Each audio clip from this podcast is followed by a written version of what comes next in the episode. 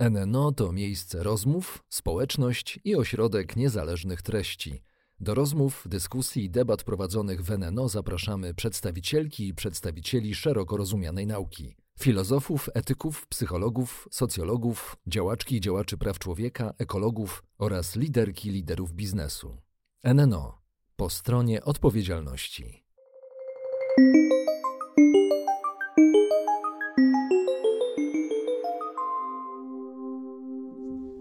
Dzień dobry Państwu, Krystyna Romanowska, e, podcast Nowy Nieznany Świat. Dzisiaj gościmy Marcina Ilskiego, trenera myślenia systemowego i krytycznego. Dzisiaj gościmy Marcina e, Ilskiego, trenera e, systemowego i krytycznego, autora książki o sceptycyzmie. Porozmawiamy o rozwoju osobistym, bo Marcin jest e, specyficznym trenerem. Mówi o mhm. sobie, że jest trenerem sceptycznym i to mi się bardzo podoba. E, ma brodę, więc czapkę, wygląda, czapkę, wygląda że jest mądry e, i pewnie taki jest. Chciał, i, Marcin jest na, scenę, na scenie trenerskiej od... od? Od 95 roku. Także już sporo lat, 20, 26. Ale nie stałeś się taką sławą, e, nie, nie, krążą za tobą tłumy, wielbicielki nie piszczą na twoich warsztatach mm-hmm. i e, chcia, chciałam powiedzieć, że jesteś z tego zadowolony, czy uważasz, że jesteś przegrywem? E, doskonałe pytanie, jak zwykle, Krysiu. E, bardzo długo myślałem, że jestem przegrywem. Mm ale nie jestem też zwycięzcą. E, nie uważam się za przegrywa, e, ponieważ e, bardzo się cieszę, że w końcu udało mi się mm, pewne idee i pewne sposoby myślenia jednak przemycić do, do tej przestrzeni edukacyjnej. Nie jestem zwycięzcą, bo w tym sposobie podchodzenia do edukacji, który ja propaguję czy promuję, nie o wygrywanie chodzi, tylko o budowanie dwóch równorzędnych porządków. Porządku rozumienia, który lepiej pozwala nam e, rozumieć świat i porządku czynu, czyli tworzenia narzędzi, które ten świat potrafią, mają uczynić lepszym. No dobrze, i teraz zanim to zrozumiemy, bo będziemy prosili, żebyś nam wytłumaczył te dwa korytarze, cofniemy się do 95 roku. Czego się wtedy ludzie chcieli uczyć? Mówimy teraz o szeroko pojętym rozwoju osobistym. Magii uwodzenia. E, magii, e, oczywiście w różnej formie. E, część osób chciała uczyć się magii polegającej na new age'owym spojrzeniu na rzeczywistość, huna, hawajska metoda uzdrawiania, poprzednie wcielenia itd., tak itd. Tak to na przykład mocno dotyczyło miasta, w którym ja wtedy żyłem, czyli Łodzi, o której jedna z moich uczestniczek powiedziała później, kiedy zastanawialiśmy się nad tym, dlaczego ludzie niechętnie przychodzą na warsztaty z myślenia systemowego, to ona mówiła, że tutaj ludzie doświadczyli takiej traumy, że już w nic nie wierzą poza cudami. natomiast druga część, taka bardziej aspirująca, młode wilczki, niestety rzadziej, rzadziej wilczyce, też uczyli się pewnego rodzaju magii, tylko ta magia się nazywała e, pozytywne myślenie, albo nazywała się droga, strategię sukcesu biznesowego i tak dalej, i tak dalej, i samoodpowiedzialności. Więc obydwie strony jak gdyby poruszały się w sferze pewnego magicznego myślenia, co jest zrozumiałe po, tym, po tej radości po 89 roku i wrażeniu, że otworzyły się wrota niebieskie dla wszystkich, e, tylko w różnej formie. Merytoryki tam było niewiele. Było dużo, dużo nawiązywania do klasyków amerykańskiego biznesu, Napoleon Hill, Dale Carnegie i tym podobne postacie, nie mówiąc przy okazji o tym, że to były przez tych ludzi pisane podręczniki dla voyagerów, czyli ludzi, którzy sprzedawali jakieś rzeczy i musieli codziennie rano mierzyć się z tym, że nikt nie chce kupować od nich produktów i pozytywnie się do tego nastawiać, tylko bardziej było to przedstawiane jako uniwersalna, pochodząca z Ameryki, a wiadomo, że wtedy wszystko, co pochodziło z Ameryki, było uniwersalne, e, strategia osiągania sukcesu. Mhm. I trwało to do trwało, trwa to do, trwało to do tej pory. Ustalmy sobie, że jakby lockdown, ustalmy sobie, że lockdown jest jakąś cezurą w rozwoju osobistym, czy było coś wcześniej? Znaczy zmiany były widoczne mhm. wcześniej. Um, jednak pojawiło się chociażby to, że smutni trenerzy, którzy przekształcili się później z sceptycznych trenerów, działają od 2015 roku i, zaczęło, i zaczęli przyciągać e, ludzi, którzy chcieli się uczyć myślenia systemowego i krytycznego. Pokazuje, że te przebłyski były widoczne już wcześniej. Lockdown niewątpliwie sprawi, moim zdaniem, że, że jeszcze bardziej od tego odejdziemy, ale uważam, że będzie to proces dłuższy, bo jednak sam lockdown, co jest niezwykle ciekawe, E, w części ludzi przynajmniej e, wzmocnił jeszcze bardziej, albo znowu spowodował, że wrócili do swego rodzaju magicznego sposobu myślenia o rzeczywistości, teorie spiskowe, e, e, jakaś, jak to się nazywało, wirusosceptycyzm i, te, i tym podobne rzeczy. Na równi się nasiliły, jak i poczucie, że no jednak samo pozytywne myślenie, czy E, czytanie książek o strategiach sukcesu może nie wystarczyć.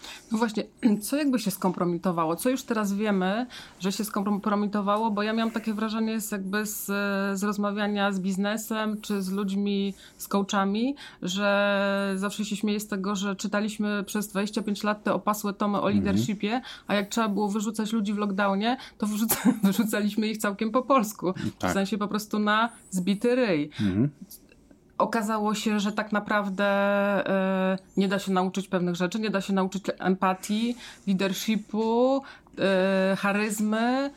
Co właściwie się skompromitowało e, najbardziej? Charyzmy to lepiej, żeby się mhm. ludzie nie uczyli, bo Hitler też był charyzmatyczny i niewiele z tego wynikało ostatecznie. Także ja mam specyficzny, sceptyczny stosunek do charyzmy. Wizjonerstwo?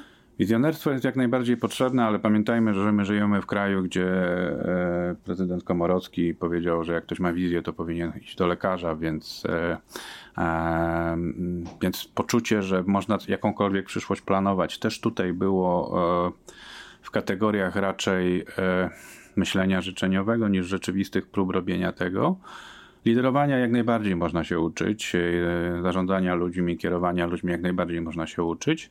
Natomiast tutaj dochodziło, mm, przynajmniej w naszej przestrzeni, ja nie będę tutaj analizował całej przestrzeni europejskiej czy światowej, e, doszło do takiego, no, takich, takiego zakłócenia.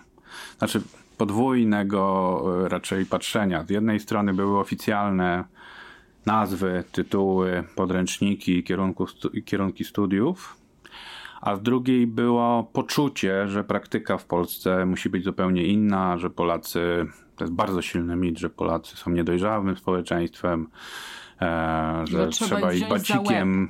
Co pewnie Pobłocki pięknie w książce Hamstwo ostatniej opisuje źródła, źródła tego myślenia o tym, że przemoc jest e, różnego rodzaju przemoc, nie tylko fizyczna, ale i psychiczna jest e, sposo jedynym sposobem do tego, żeby w cudzysłowie Polaków zmusić do tego, żeby pracowali, żeby pracowali dobrze. Więc oczywiście oficjalnie było mnóstwo niesamowitych e, e, tytułów, kursów, drogich i długich, tak dalej, i tak dalej. A później była tak sama, a później była tak zwana praktyka, czyli że e, jedno, co się tam uczyło, nazywało się MBA, Master Business Administration i tak dalej, i tak dalej. A rzeczywistość polegała na tym, że trzeba było kogoś wziąć za przysłowową, przepraszam, ryj i, i go wyrzucić, bo jest bardzo silnie ugruntowana pewna rama, że liderowanie polega na tym, że kieruje się innymi absolutnie, czyli inni powinni nas słuchać i to koniec. A jeżeli nas nie słuchają, to musimy im pokazać swoją siłę, wyrzucając ich. Także e, to było takie rozmijanie się mm, teorii z praktyką. druga rzecz, jeszcze równie istotna, że to, co u nas uchodziło za teorię albo za nauki o biznesie, e, to były raczej książki motywacyjne niż rzeczywiste e, naukowe prace, które istnieją i które są dostępne na ten temat. W Polsce chyba tylko Monika Kostyra e, zajmuje się tym tematem tak bardzo, bardzo poważnie. wprowadzając na przykład pojęcia zarządzania humanistycznego, czyli zupełnie innego podejścia. Ten tutaj czynnik nie zadziałał, on się w oczywisty sposób skompromitował, ale ja nie sądzę, żeby on jak za, do, za dotknięciem, znowu wrócę do tego i do tej magii, magicznej różdżki, czarodziejskiej różdżki, żeby natychmiast zniknął. Natomiast sądzę, że, yy, że, że jednak będzie odchodził, będzie się zmieniał. Przede wszystkim chociażby z tego powodu, że młode pokolenie, młodzi ludzie, którzy teraz pojawiają się na rynku pracy, a po pewnym czasie zostaną liderami, absolutnie nie mają takiego dużej mierze podejścia i nie kierują nimi te same zasady, które, które były wpajane na przykład mojemu pokoleniu, pewnie twojemu pokoleniu w latach 90. XX wieku. Mo można powiedzieć, że to są e, dzieci tych e, ludzi, którzy budowali tak. osławiony tak. wolny rynek i oni i, i, generacyjnie to jest tak, że oni zobaczyli, że, że, że nie chcą tak, że nie, to jest nie nieprawda chcą. i że to jest fałsz? E, w dużej mierze e, to e, mój serdeczny kolega, który takimi badaniami się zajmuje, kiedyś mi to pięknie tłumaczył podczas podróży.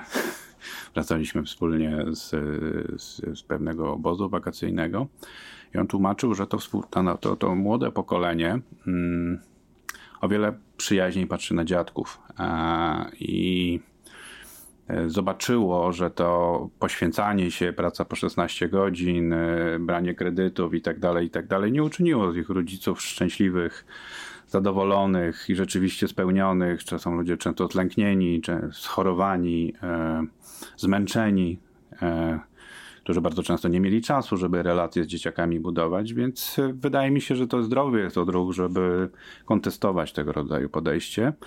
Co z kolei u mojego pokolenia budzi e, takie zdziwienie, jak to? Bo my Przecież myśleliśmy, tak się staraliśmy. Tak, a poza tym jest taka sztafeta pokoleń, myśleliśmy, że nastąpi. Co prawda nas gnojono, przepraszam za to wyrażenie, i musieliśmy ciężko tyrać, ale teraz my będziemy mogli wreszcie w tej fali tej fali wkroczyć i teraz pokazać innym, jak to jest ciężko pracować, a sami będziemy zbierać efekty.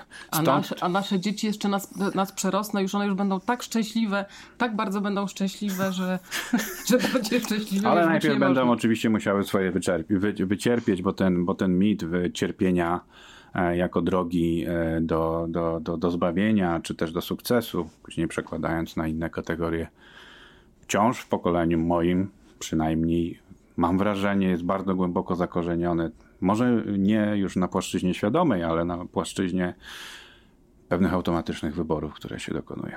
Jeszcze pozostajemy na chwilę w przeszłości i zapytam Cię, czy to, czy to mogło pójść inaczej, czy po prostu byliśmy skazani na taką drogę? Nie, ja nie jestem deterministą, e, natomiast też nie jestem osobą, która będzie e, dokonywała e, głębokich rozliczeń polegających na tym, że można było zrobić inaczej i dlaczego nie zrobiono inaczej. Takie pytanie warto zadawać, o ile ono przyniesie jakikolwiek efekt na przyszłość.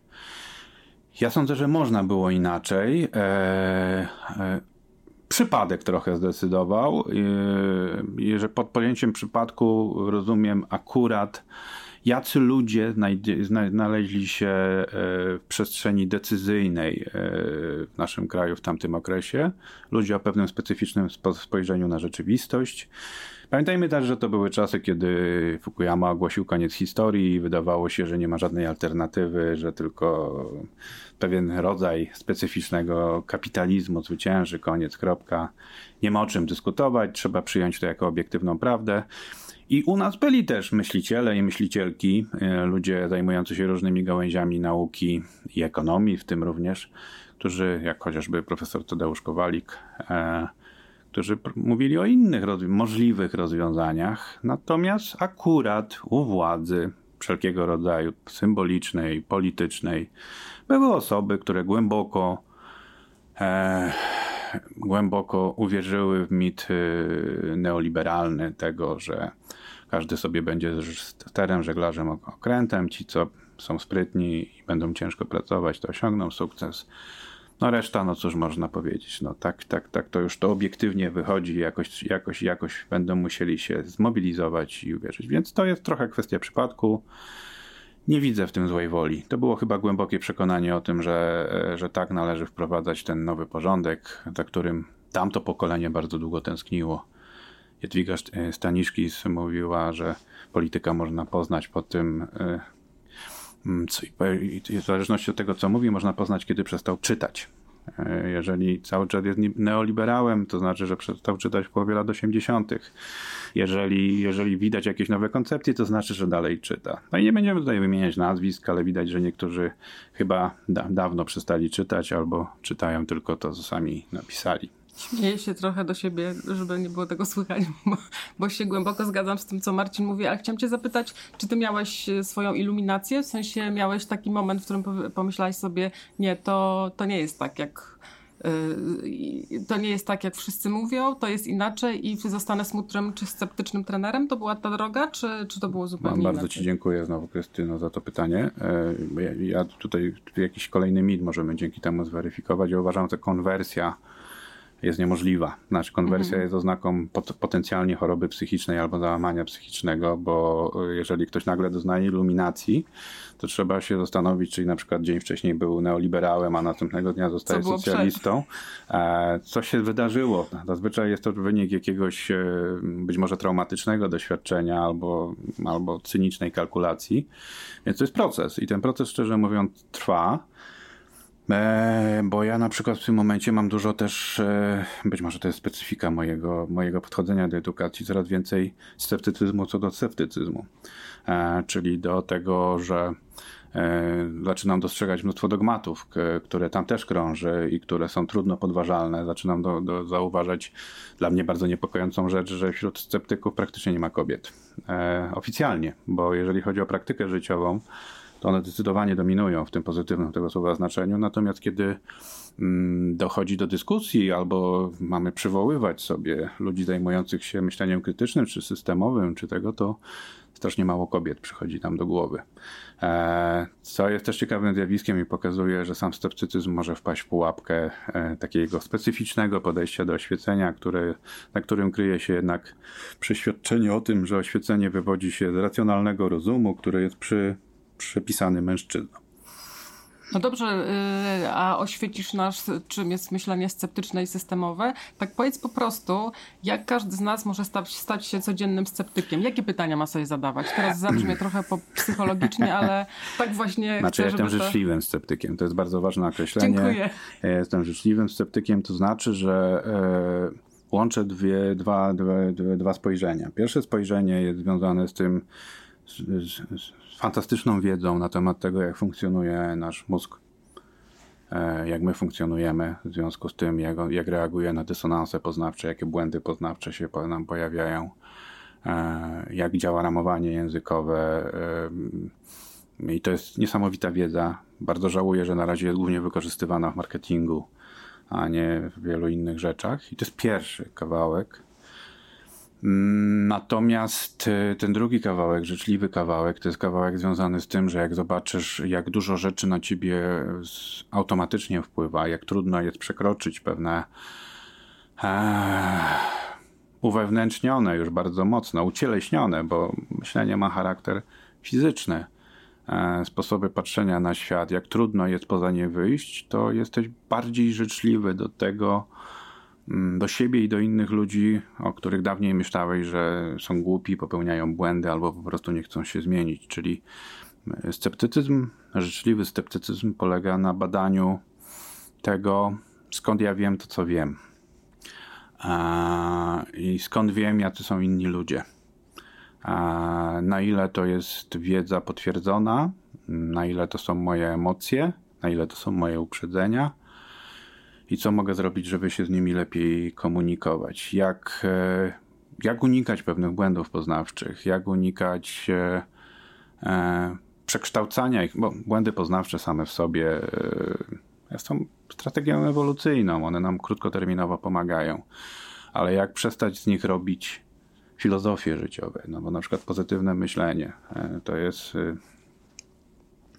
to jest e, błąd myślowy. Ono się wywodzi z błędu myślowego, myślowego nazywany e, strategią polianny, które polega, ten błąd myślowy polega na tym, że skupiamy się tylko na pozytywnych aspektach danej, danej sprawy, e, pomijając negatywne. I jak robić, żeby je dostrzegać, nie mieć potężnego poczucia winy z tego powodu, bo one nam pomagają rozwijać dysonanse, nie przekształcać je w filozofie uniwersalne dla wszystkich, tylko je weryfikować. A życzliwość to jest jednak sympatia wobec ludzi i niezakładanie z góry, że to, co między nami się dzieje i konflikty, które między nami wynikają, wy, wy, wybuchają, wynikają ze złej woli, niechęci, głupoty. Ja nie wiem w ogóle, co kryje się do słynnym określeniem głupota. Ja definicji nie jestem w stanie znaleźć tego słowa. Jest to takie słowo wytrych. No dobrze, i jak uniknąć yy, to, co powiedziałeś, yy, błędów poznawczych? Nie ma ich. Wiesz, nie, nie ich się nie unika. Mhm. Je trzeba dostrzegać. Mhm. Jak dostrzegać błędy poznawcze? Wiesz co, to akurat jest fantastyczna przygoda, e, bo e, nawet wpisując sobie to hasło w Wikipedię, znajdziesz e, kilkanaście przykładów krótko opisanych tego, jakichś podstawowych błędów poznawczych. I jak je znasz, jak je zaczynasz, jak, jak znasz ich opisy, to zaczynasz je dostrzegać w swoim życiu.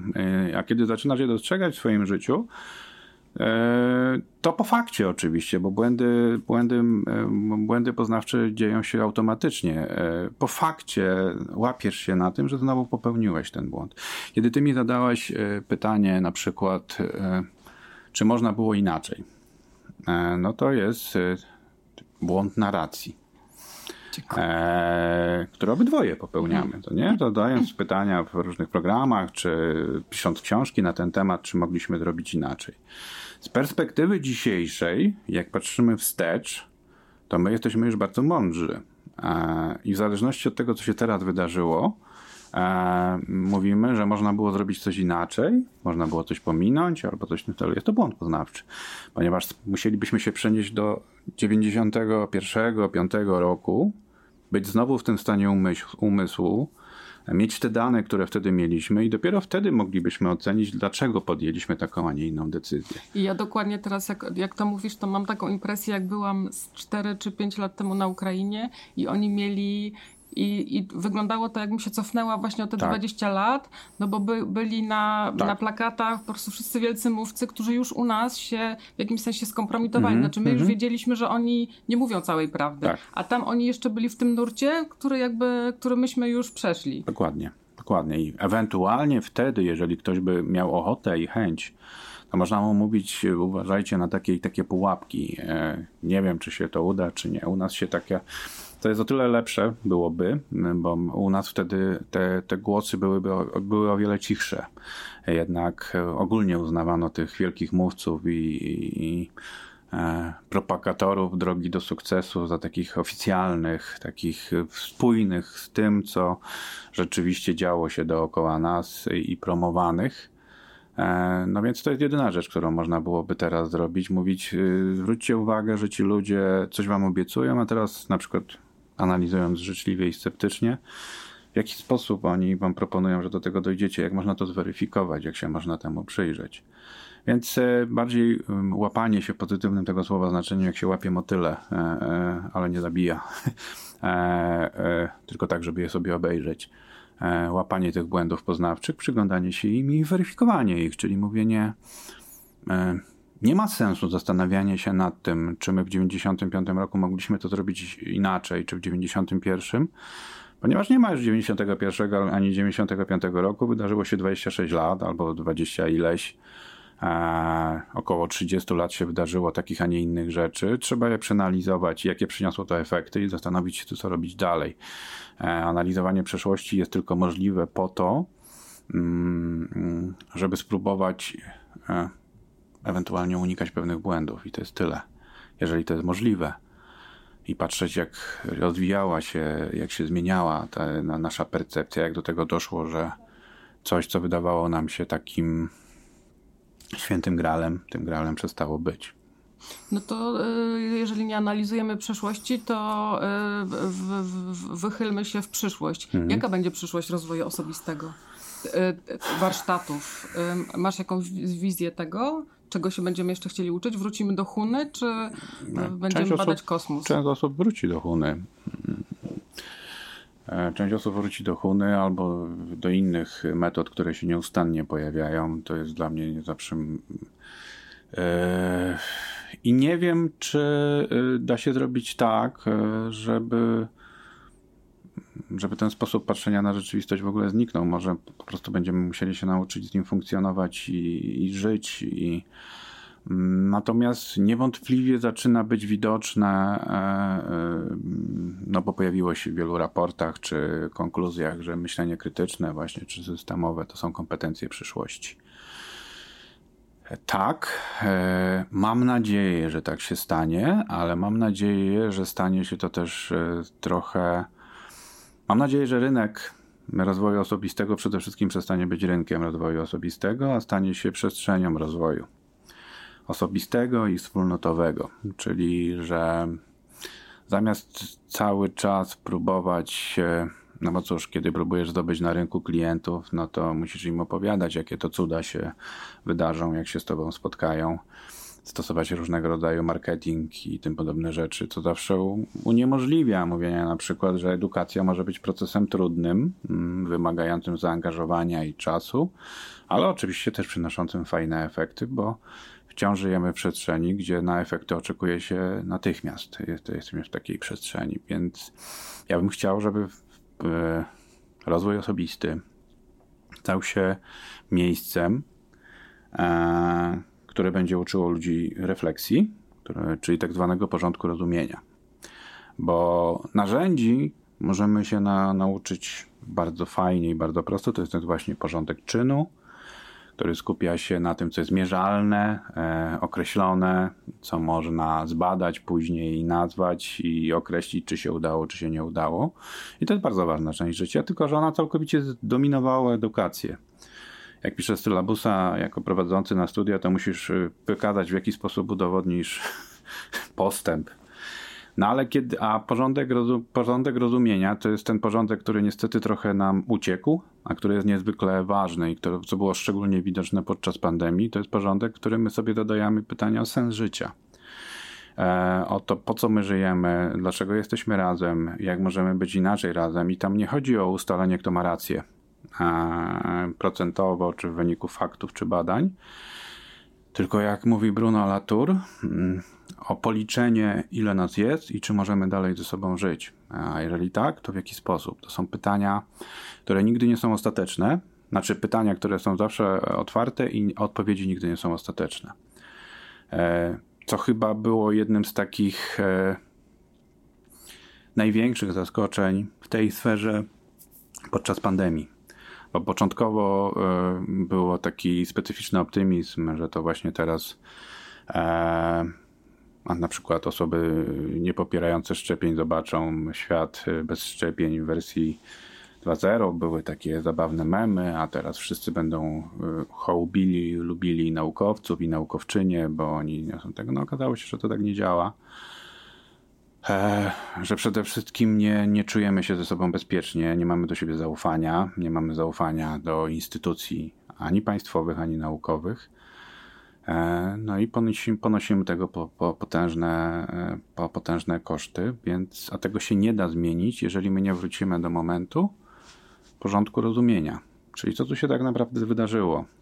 Ok, mamy szczepionki, w błyskawiczny sposób yy, udało się je stworzyć, ale jak, jak to się dzieje, nie w szukaniu, kurczę, w głupocie ludzkiej czy, czy czymkolwiek innym. Jak to się dzieje, że ludzie jednak te zdobycze tak niechętnie przyjmują, albo są wobec nich w specyficzny sposób sceptyczni.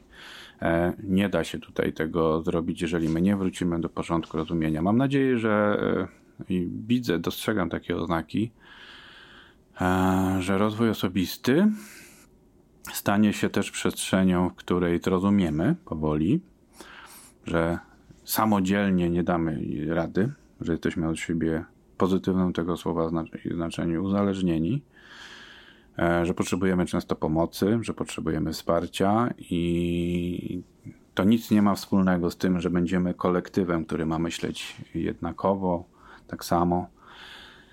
To już widać powoli. Mam nadzieję, że edukatorzy, edukatorki, e, myśliciele i myślicielki pomogą ludziom zrozumieć, że kończy się powoli czas, w którym e, my musimy ustalić ostatecznie, kto ma rację, a musimy zacząć uczyć się żyć w przestrzeni nieoczywistej zgody, czyli w przestrzeni, w której ja mogę Cię lubić, szanować, ale możemy się w wielu kwestiach nie zgadzać i to i, i będziemy musieli z tą świadomością budować jakąś przestrzeń wspólnego życia, mając, mając, mając poczucie, że, e, że nie dogadamy się we wszystkich kwestiach, że to mityczne dogadywanie się, łapanie się za rękę i pójście w stronę zachodzącego słońca nigdy chyba nie było możliwe, a teraz staje się już nawet niepotrzebne, bo zawsze ostatecznie okazywało się, że e, w stronę zachodzącego słońca za rękę siłą prowadził ten, który miał więcej władzy, więcej rang osobistych i tym, i tym podobnych rzeczy refleksja na koniec yy, bardzo ładna i metafora zachodzącego słońca, zachodzącego słońca bardzo mnie ujęła. Yy, kończąc rozmowę, dziękuję Ci Marcin. Marcin Ilski, trener rozwoju osobistego systemowego, sceptycznego i, i krytycznego i każdego innego, mądrego, e, był naszym gościem. E, życzę Państwu dojrzałości i to, co jest bardzo ciekawe, to co powiedział Marcin i myślę, że to trzeba to będzie jeszcze kontynuować, to to, co mnie zainteresowało, że jest tak mało sceptyczek wśród kobiet. Tak. Będziemy nad tym pracować. Tak, znaczy Marcin. być może one są, tylko ja ich po prostu nie znam, to też nie chciałbym źle, być źle odebrany. Może jeżeli są, to, proszę to niech zgłosić. dają znać, bo, bo, bo naprawdę y, świat potrzebuje innego spojrzenia. Bardzo dziękuję. Marcin Ilski, Krystyna Romanowska, Nowy Nieznany Świat. Zapraszam na kolejne edycje. Dziękuję bardzo.